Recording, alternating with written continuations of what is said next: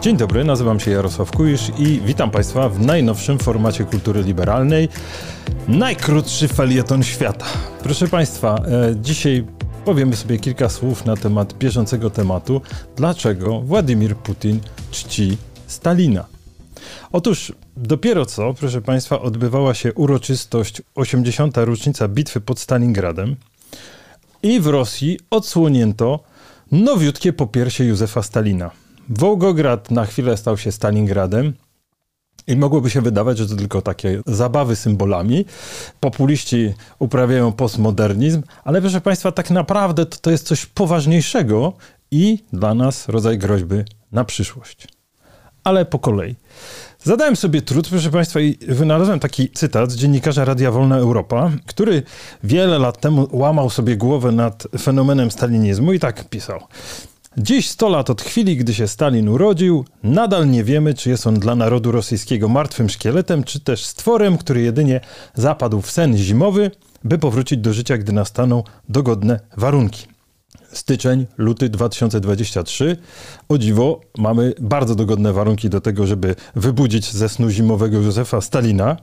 I w relacjach z Rosji oglądamy obrazku wypucowane po piersie z brązu człowieka, który ponosi odpowiedzialność za wymordowanie milionów ludzi, swoich rodaków w dużej mierze, ale nie tylko, o czym my dobrze wiemy przez nikogo nie niepokojone delegacje z sierpem i młotem paradują, składają uroczyste wieńce, do tego też się już trochę przyzwyczailiśmy, no ale jednak do tego, że z bloków mieszkalnych zwisały e, zupełnie nowe, czyściutkie wizerunki słońca narodów, no to tu jednak się dziwimy.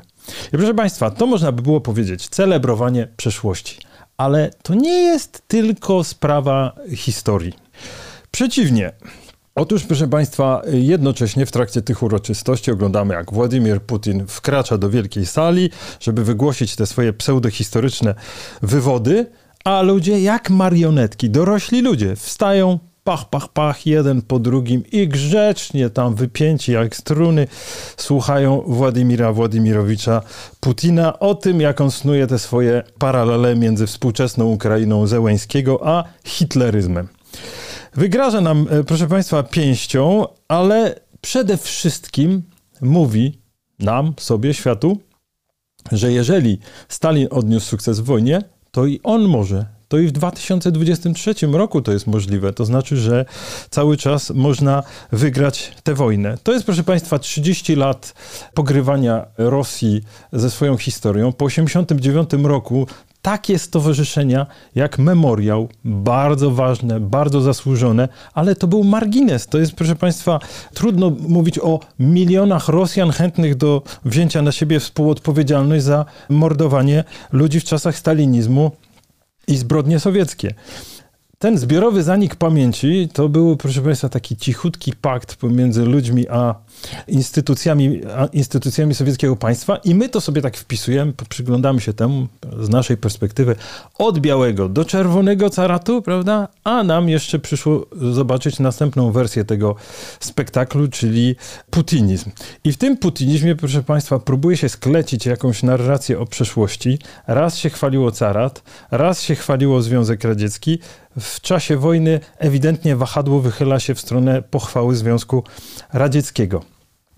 Nie potrzeba, wyciągając tego, budząc tego Stalina ze snu zimowego, nie potrzeba wcale wskrzeszać marksizmu, leninizmu. Wystarczy dobrze zapuścić sondę, wyciągnąć jeden element ważny, jak Wielka Wojna Ojczyźniana i zapomnieć nie tylko o zbrodniach stalinizmu, ale także o pakcie Ribbentrop-Mołotow i wszystkich ciemniejszych stronach sowieckiej przeszłości. Dlaczego?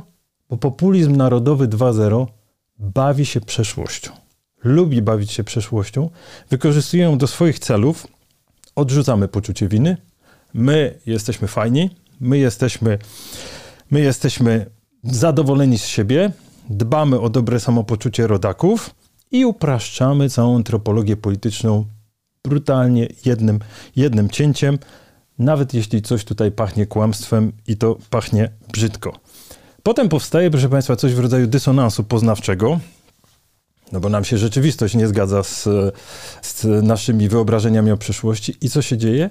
No i proszę Państwa, z pewnego punktu widzenia, jakby to nie brzmiało kontrowersyjnie, można powiedzieć, że wojna jest rodzajem próbą zniesienia także dysonansu poznawczego części elit rosyjskich. Po prostu im się nie zgadza to wspomnienie o przeszłości imperialnej z tym, co widzą na mapie, no więc tym gorzej dla przyszłości. Puenta. Celebrowanie stalinizmu, proszę Państwa, jest wychylone w przyszłość. To oznacza, że otwieramy drogę dla większych represji wobec opozycji, że otwieramy drogę dla długiej wojny i uzasadniamy wszystko wyższym interesem państwowym. I wreszcie cały konflikt z Zachodem staje się zrozumiały na tle historii. Smutne, ale prawdziwe. Dziękuję Państwu. Proszę oglądać nasz kanał i subskrybować. Jeśli Państwu się podoba ten nowy format, to proszę nas oceniać. Jeśli się nie podoba, także prosimy o oceny i zapraszamy już niebawem na następny komentarz. Najkrótszy komentarz świata.